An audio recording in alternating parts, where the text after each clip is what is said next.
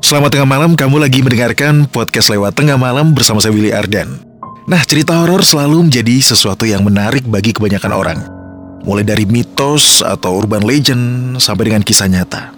Dari sekian banyak cerita horor yang beredar, yang gak kalah menariknya ternyata adalah mengenai cerita-cerita seram yang terjadi di kampus-kampus di Indonesia. Bahkan hingga sekarang, para mahasiswa juga masih senang. Sesekali mereka membahas legenda atau urban legend yang terjadi di beberapa kampus. Nah, teman tengah malam di episode kali ini, podcast Lewat Tengah Malam akan menggabungkan beberapa kisah horor dari beberapa kampus.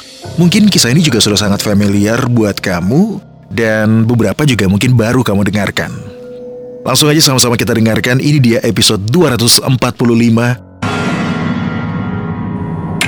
Cerita Horor Kampus.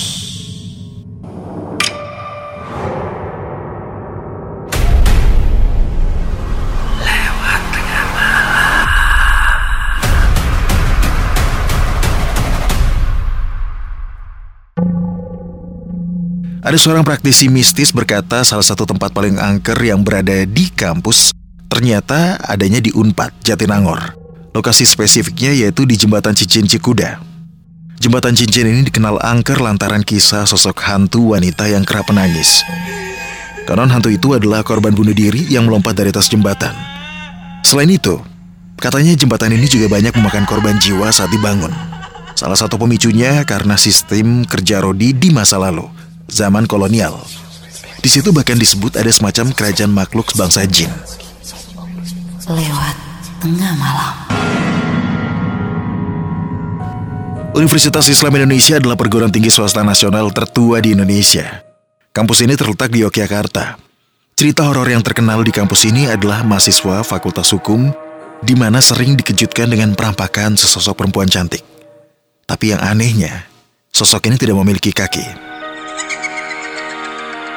Dan kejadian ini beberapa kali terjadi di ruang CLDS, alias Center for Local Law Development Studies. Sosok wanita tersebut dikenal dengan sebutan Mbak Fitri. Namun gak ada yang tahu mengenai keberadaan sosok wanita tersebut sampai akhirnya dia gentayangan di lokasi itu. Tapi yang pasti, jika teman tengah malam memasuki ruangan itu sendirian, terlebih lagi setelah maghrib atau malam hari, bisa dipastikan kamu akan bertemu langsung dengan sosok Mbak Fitri, hantu wanita tanpa kaki. Lewat tengah malam. Kisahnya berawal saat ada seorang mahasiswa kedokteran kampus tersebut yang harus kembali ke kampus untuk mengambil jas lab yang tertinggal. Saat itu hari memang sudah malam dan sesampainya di lab, seorang mahasiswa bertemu dengan seorang kakek tua yang sedang bersih-bersih. Awalnya si mahasiswa tidak terlalu memperhatikan keberadaan kakek tersebut. Namun secara tiba-tiba, si kakek memberikan sebuah kunci jawaban dari nomor 1 sampai nomor 49 untuk ujian yang akan mahasiswa itu hadapi esok harinya. Dan ternyata benar dong, besoknya sang mahasiswa itu bisa mengerjakan ujian dengan lancar karena persis dengan jawaban yang dia dapatkan semalam.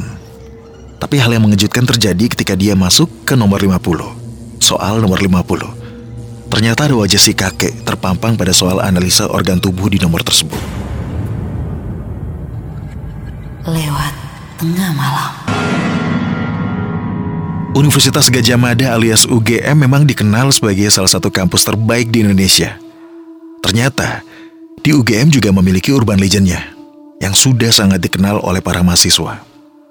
Kisah keberadaan hantu Mbak Yayu yang begitu populer di kalangan mahasiswa UGM terutama mahasiswa Fakultas Ekonomi.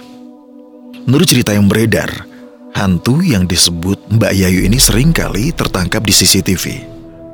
Rupanya Mbak Yayu adalah mahasiswi UGM angkatan lama. Kisahnya kala itu Mbak Yayu sedang dalam masa pengerjaan skripsi.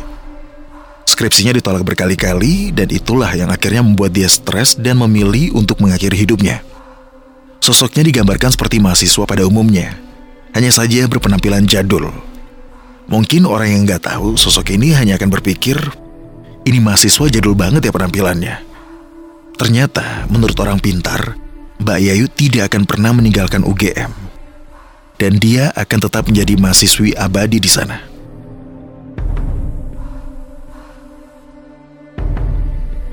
Lewat tengah malam. Kalau cerita yang satu ini juga cukup terkenal. Para mahasiswa USU Universitas Sumatera Utara sangat menghindari melewati pintu 4 kampus tersebut ketika sudah sore hari. Soalnya dari cerita yang beredar ada sosok perempuan bergaun merah yang sering kali menampakkan diri di sekitaran pintu tersebut. Seramnya lagi, sosok tersebut juga sering duduk di jok belakang motor seseorang yang melewati pintu 4 sendirian malam hari. Konon area pintu 4 kampus Universitas Sumatera Utara disebut sebagai sarangnya lelembut. Bukan cuma sekali, orang-orang atau mahasiswa menjumpai gadis cantik bergaun merah. Apalagi saat senja, hawa mistis langsung terasa di sekitaran pintu 4.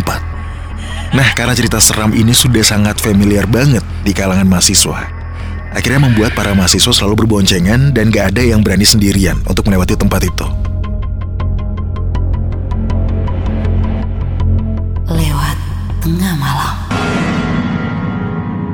Kita berpindah ke lokasi berikutnya, Jembatan Texas di Universitas Indonesia.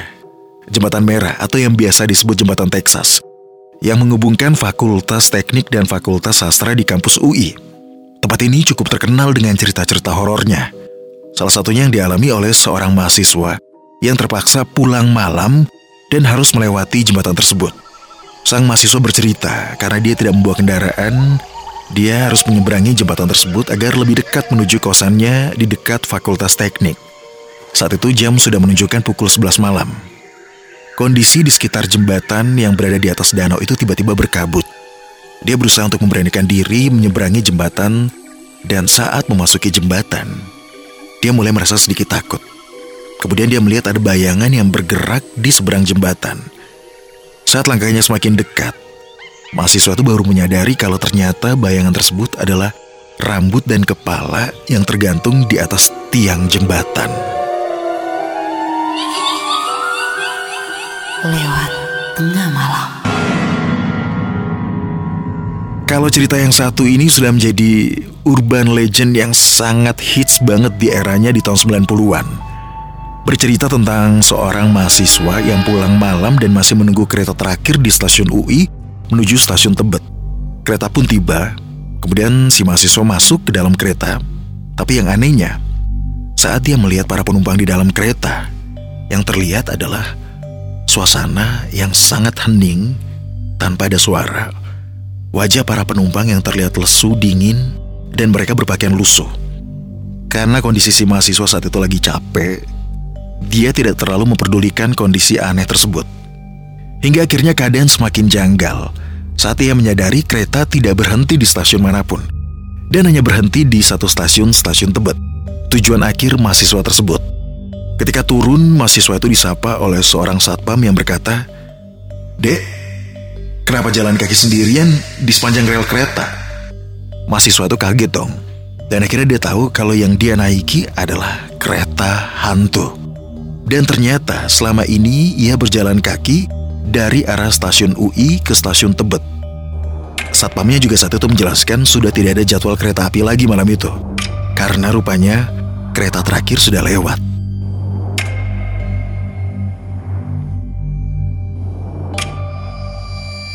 Lewat tengah malam. Ternyata di salah satu kampus ada larangan untuk menyanyikan lagu gugur bunga. Entah ini hanya mitos atau legenda turun-temurun yang sudah dipercaya mahasiswa UGM tentang larangan untuk menyanyikan lagu ini di bundaran teknik UGM. Berdasarkan cerita yang beredar, kita nggak boleh menyanyikan lagu gugur bunga ketika berada di lokasi itu. Karena akan ada sosok yang menampakkan diri dan mengikuti kita. Bahkan bisa-bisa sampai ada kejadian mengerikan yang terjadi. Katanya dulu ada mahasiswa UGM yang putus cinta dan memutuskan untuk bunuh diri di tempat itu. Ya, percaya nggak percaya. Mitos larangan menyanyikan gugur bunga masih diyakini oleh beberapa mahasiswa.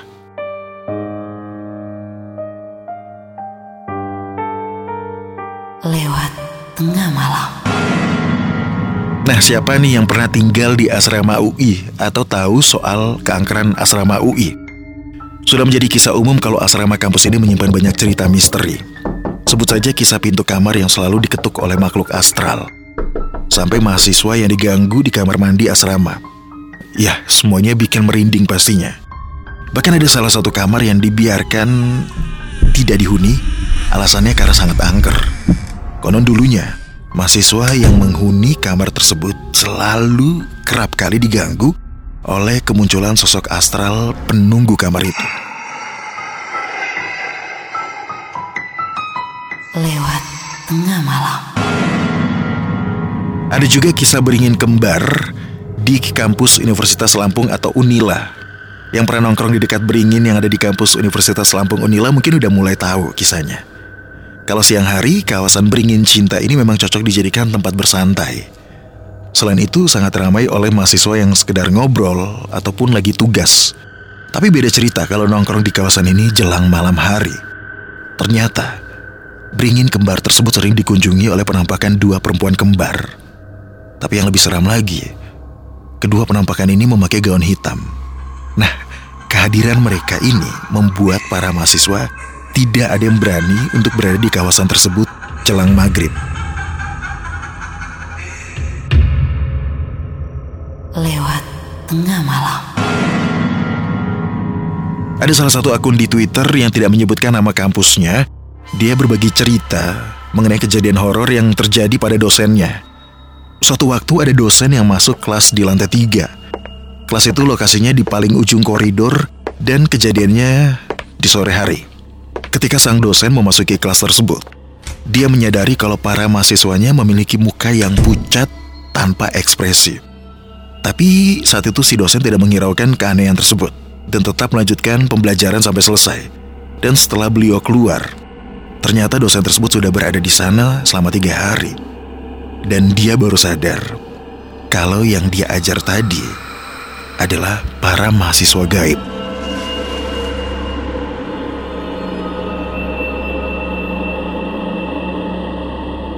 Lewat tengah malam. Cerita terakhir datangnya dari area Balairung UI yang juga terkenal angker. Kabarnya ada hantu wisuda yang terkenal yang sering menampakkan dirinya muncul di antara foto wisudawan yang sedang berpose di area ini. Kabar kematian hantu wisuda ini masih simpang siur sih penyebabnya.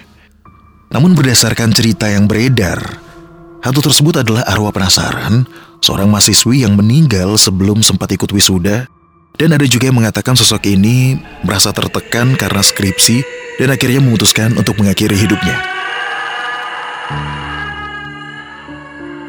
Ya, percaya atau nggak percaya, Memang di beberapa kampus ada urban legend atau cerita-cerita yang sudah sangat melegenda yang diceritakan dari angkatan ke angkatan berikutnya. Itu dia cerita horor di kampus yang cukup melegenda bahkan pernah viral pada masanya. Kalau menurut kamu teman tengah malam, mana cerita horor di kampus yang paling seram versi kamu?